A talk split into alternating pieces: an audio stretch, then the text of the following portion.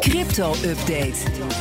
Ja, Herbert Blankenstein is bij ons, presentator van de BNR's CryptoCast, onze podcast over Bitcoin en andere digitale coins.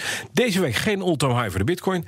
De koers is uh, ja, gestokt rond de 19.000, alweer teruggevallen naar 15. Jij vindt het heel wat, begrijp ik? Teruggevallen naar 15, dan vertel je me iets nieuws. 15.000 euro misschien? Ja, ik zag 15, ja, 15.000 euro. Ja, dat ik klopt, heb ja. Oh, je, hebt, je hebt de dollarkoers, hè, Even natuurlijk. kijken. Uh, 17.946. Ja, dat is in dollars. Een verkeerde exchange hebben dollars. Dat is in dollars. Ja, dan kom je op 15.000 en een beetje voor wat betreft eh, bitcoins in, eh, in euro's. Ja. Precies. Ja, omdat Nou, wij euro's nee, doen, doe ik altijd maar even euro's. Ja, maar dat is onhandig omdat je dan een ander getal krijgt. Oké. Ehm, de, ja, de, de, de, hoe noem je dat? De consensus is om het in dollars te doen, maar dat maakt verder Oh. niet uit. Nee, als je de vergelijking maakt met 2017, dan staan we er echt niet zo slecht voor hoor. Ehm, niet iedereen weet het meer. Er waren toen maar vier dagen dat de koers boven de 19.000 kwam. Ja. Dat was half december 2017. En op dit moment zijn er al elf dagen geweest dat de koers boven de 19.000 is geweest. Waaronder de laatste negen. Eh, ook wel grappig om te vermelden is dat ehm, we de afgelopen week drie keer een all-time high hebben gehad wat de bodems betreft. In 2017 was de hoogste bodem van de dag nog onder de 18.500. Ja. En de afgelopen week zaten we daar drie keer boven. En, maar nog niet één keer boven de 19.000. Dat dan weer niet. Ik, ik hoor de technische analisten alweer zeggen... Ah, ik zie een puntenvolkje met een eh, trend, een, een, een positieve trend. Er wordt ook wat dat betreft goed gekocht. Ja, nee, maar dat is natuurlijk zo. Hè. Er wordt ge- gewoon goed gekocht door de grote beleggers ook. Ja hoor, precies. Eh, Grayscale eh, loopt daarbij voorop. Dat is het grote crypto-beleggingsfonds. Rond het weekend ehm, is bekend geworden dat Grayscale alweer 37.000 bitcoins heeft bijgekocht in december. In november waren het er 55.000.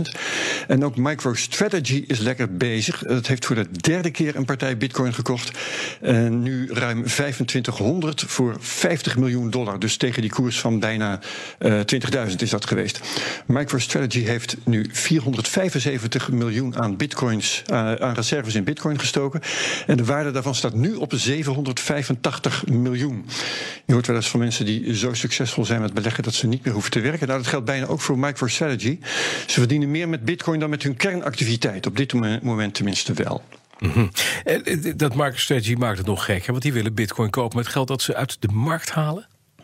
Ja, en dat is een hele gekke manoeuvre. 400 miljoen willen ze hebben, daar wordt rente over betaald. En MicroStrategy zegt dat voegen we toe aan onze reserves. En we kopen er bitcoin van in afwachting van een nuttige besteding van dat geld. Hoe hoog die rente wordt, dat is nog niet eh, bekend. Maar de looptijd van die lening wordt vier jaar. En dan eh, bitcoins gewoon met geleend geld. Daarvan zou ik zeggen, ja, dat moet je nooit doen. Dat krijgen we bij alles te horen. Koop nooit iets met geleend geld. Nee, precies. En daar hebben ze een plan voor bekendgemaakt. Uh, ze gaan dus rente betalen. Maar dit, dit wordt een leuk verhaal voor uh, wat, een verhaal dat we elkaar kunnen vertellen over de bitcoin-gekte van nu.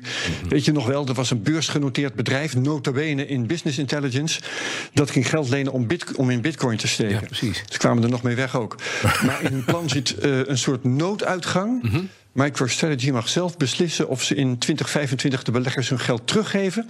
of die lening omzetten in aandelen. Oh. Dus als de bitcoin tankt, dan kan dat een uitweg zijn. Ja. En, maar ja, dat maakt het voor kapitaalverschaffers echt een slechte deal volgens mij. Ja. Je hebt niet de kans op bitcoin-winsten, want je krijgt rente. Maar je hebt wel de kans dat, je je geld je geld verliest. niet terugkrijgt. Precies. En in plaats daarvan aandelen krijgt van het bedrijf dat zijn schulden niet kan betalen. Nee, dat is heel handig. Dus, nou, Gouden deal, lijkt me dat. Ja. Wat zit er deze week in de CryptoCast? Simon Lelyveld, expert financiële regelgeving. Hij is heel kritisch over de registratie van cryptobedrijven. Nog altijd zijn er maar 13 van de 38 bedrijven geregistreerd. Uh, Simon voorspelde ook in maart dat de bitcoin zijn all-time high van 2017 nooit meer zou overtreffen. Dus we gaan hem vragen naar zijn overwegingen van toen en of die nog steeds gelden. Morgenmiddag wordt dat allemaal onthuld. Dankjewel, Herbert Blankenstein. Alle afleveringen van de CryptoCast te beluisteren via de BNR-app, bnr.nl of je favoriete podcast-app.